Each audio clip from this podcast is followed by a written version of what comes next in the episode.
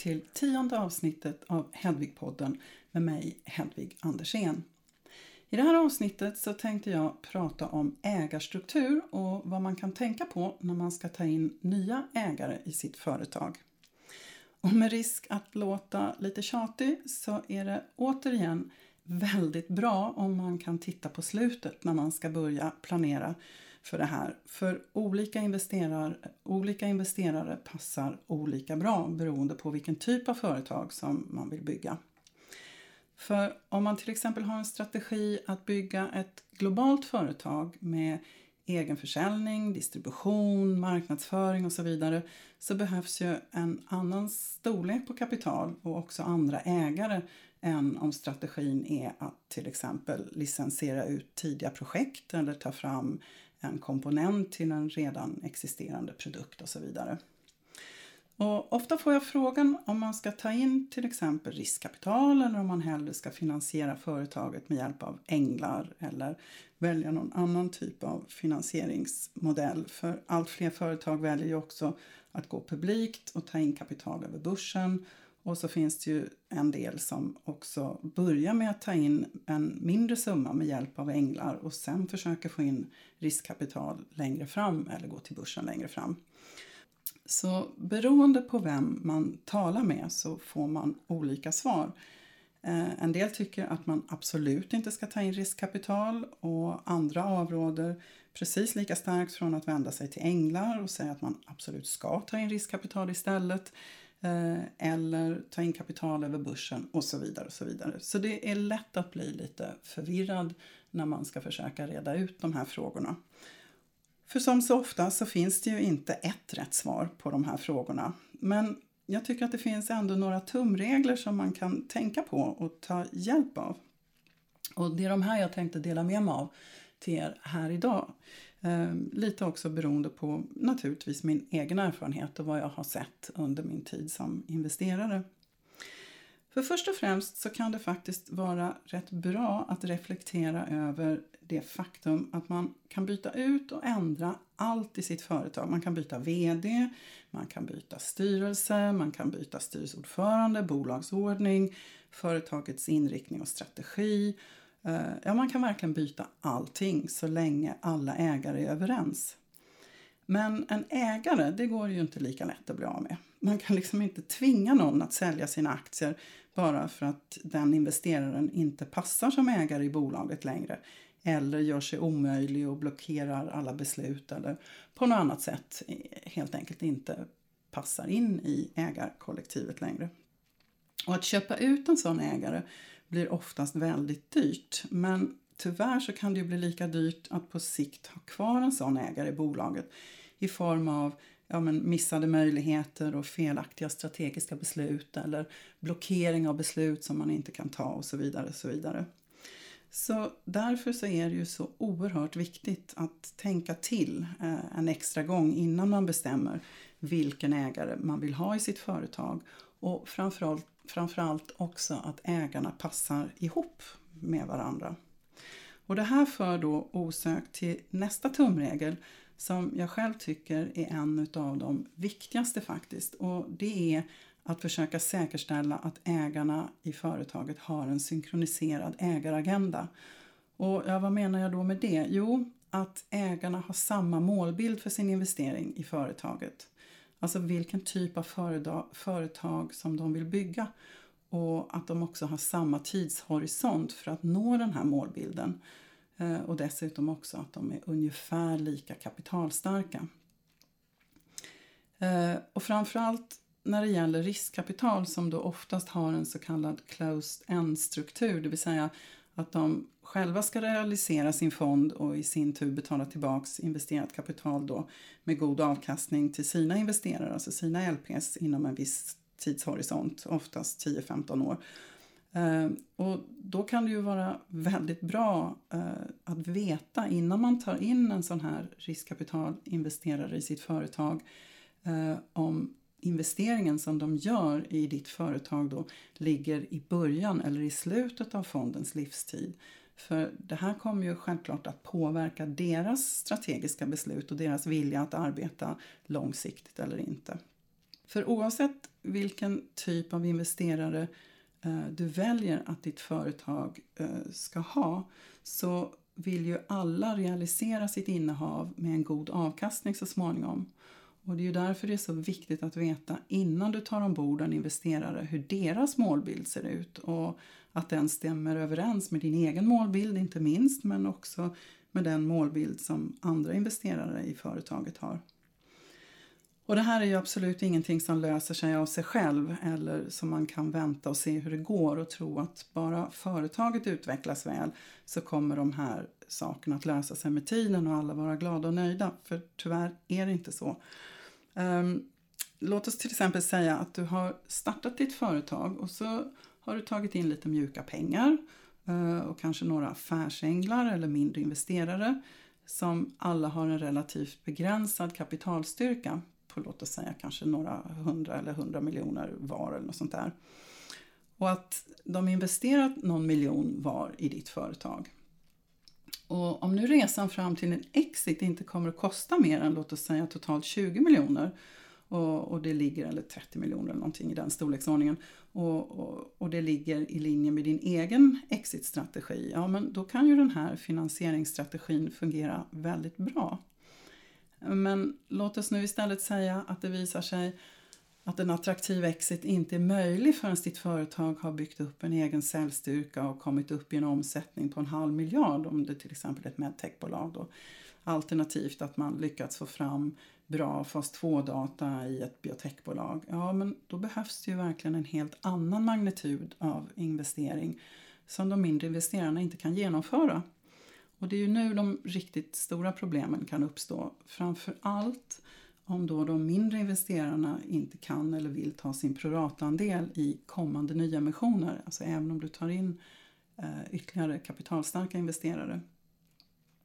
För de mindre investerarna kommer ju då med stor sannolikhet vilja att nyemissionerna görs till en alldeles för hög värdering för att motverka att de själva blir utspädda. Och det här gör att finansieringsprocessen för att ta in en ytterligare kapitalstark investerare då, eh, in i bolaget, det, det kommer ju dra ut på tiden.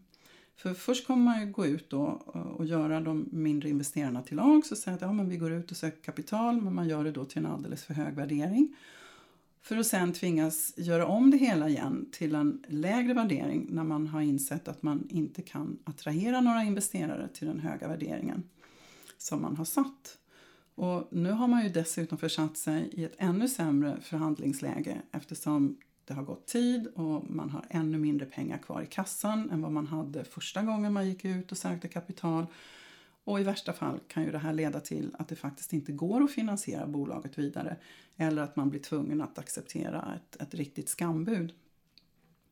Och ett annat scenario som kan uppstå om man inte har en synkroniserad ägaragenda och har ägare i bolaget som har olika kapitalstyrka och olika visioner för bolaget är ju att de ägare med mycket kapital och en längre investeringshorisont eh, att de vill investera mycket mer och bygga ett större företag medan de mindre investerarna inte alls vill det utan de vill göra en, en mycket mindre eh, satsning i, i företag. Kanske inte gå ut globalt utan bara fokusera på en, en mindre marknad och så vidare.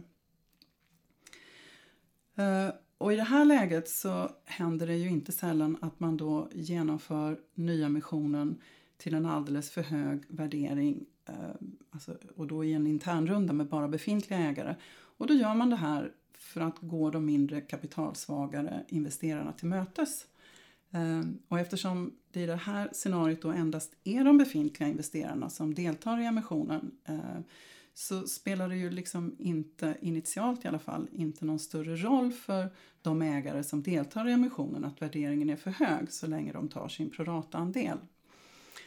Uppvaknandet kommer ju då istället längre fram när man ska ta in ytterligare kapital från då till exempel en e, extern investerare och då tvingas bita i det sura äpplet och göra en nedåtrunda, det vill säga en nyemission till en lägre värdering Eh, med upprörda och besvikna mindre ägare då eh, och långa interna förhandlingar istället för att ägarna kan hålla en gemensam front i förhandlingar med tredje part. Så får man liksom ja, lägga energi, energi och tid och kraft på att förhandla mellan befintliga ägare. Och ett liknande scenario riskerar ju att infinna sig inför en exit när eh, internrundorna eh, Eh, har gjorts till alldeles för höga värderingar och inte står i paritet med det pris som en potentiell köpare är beredd att betala för bolaget. Eh, och då blir det ju också massa interna diskussioner eh, och det kan ju till och med hända att man inte får igenom en, en exit till en värdering som kanske är den, den enda rimliga värderingen man kommer att kunna sälja det här bolaget till för att man har trissat upp förväntningarna med internrunder till alldeles för höga värderingar och då hamnar i en situation där en exit helt enkelt inte blir möjlig. Eh, så att en synkroniserad ägaragenda som man också uppdaterar med jämna mellanrum och en balanserad ägarstruktur med jämnstarka ägare är någonting som jag varmt kan rekommendera. Eh, och därför så är det ju inte heller någon bra idé, tycker jag, då, att blanda olika typer av ägare. Eh, för det här gör det ju nästan till omöjligt att få till stånd en sån här synkroniserad ägaragenda. Och just det här med värdering av företaget är ju någonting som diskuteras ofta och livligt. Och det är svårt att sätta en värdering på ett företag som inte är noterat. Ja, men vad är företaget värt? Och då kan man ju liksom säga att ja, men företaget är värt det som någon är beredd att betala för det. För, för att investera i det. Eh, men mitt råd här är att man eh, inte bara ska stirra sig blind på värderingen och tänka att ja, men den investerare som ger den högsta värderingen är den bästa investeraren att ta in. För förutom de frågor som jag redan tagit upp här idag så kan det vara värt att titta på fler aspekter än själva värderingen. Eh, till exempel om investerarna eller investeraren eh, vill ha en preferensaktiestruktur och i så fall hur den konstruktionen är gjord. Är det en enkel preferens eller Ska man få tillbaka investerat kapital med en multipel och hur stor ska den multipeln vara? Vad har man för ränta? Och ja, innehåller investeringsavtalet ett utspädningsskydd och hur ser governance-frågorna ut? Alltså förenklat, hur kommer beslutsgången att se ut i olika situationer i eh, ja, styrelserummet eller på stämman? Vad beslutas av vem var? Kommer det finnas Eh, strukturer där två investerare kan dra den tredje eller där någon har ett veto. Ja, men alla, andra sådana bitar är ju jätteviktigt att titta på. För allt det här kommer ju att påverka, påverka både hur maktförhållandena ser ut i företaget under resans gång eh, och hur mycket pengar som du som grundare eller tidinvesterare då kan förvänta dig vid en lyckad exit. För om du inte väger in även de här frågorna, alltså förutom själva värderingen på bolaget, när du ska välja investerare så kommer du att jämföra äpplen och päron. Alltså någon som har en kanske högre värdering, en investerare har en högre värdering men en väldigt tuff preferensaktiestruktur mot en som har en lägre värdering på bolaget men en mycket gynnsammare för dig då, gynnsammare preferensaktiestruktur och så vidare och så vidare.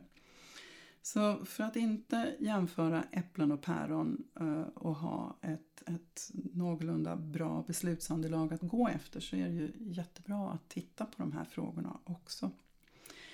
Och om du vill fördjupa dig lite mer inom ett visst område eller i någon av de här frågorna så kan du gå in på min hemsida www.torsen.se och där hittar du lite mer information om det här och också mina kontaktuppgifter om du vill boka några av mina konsulttjänster.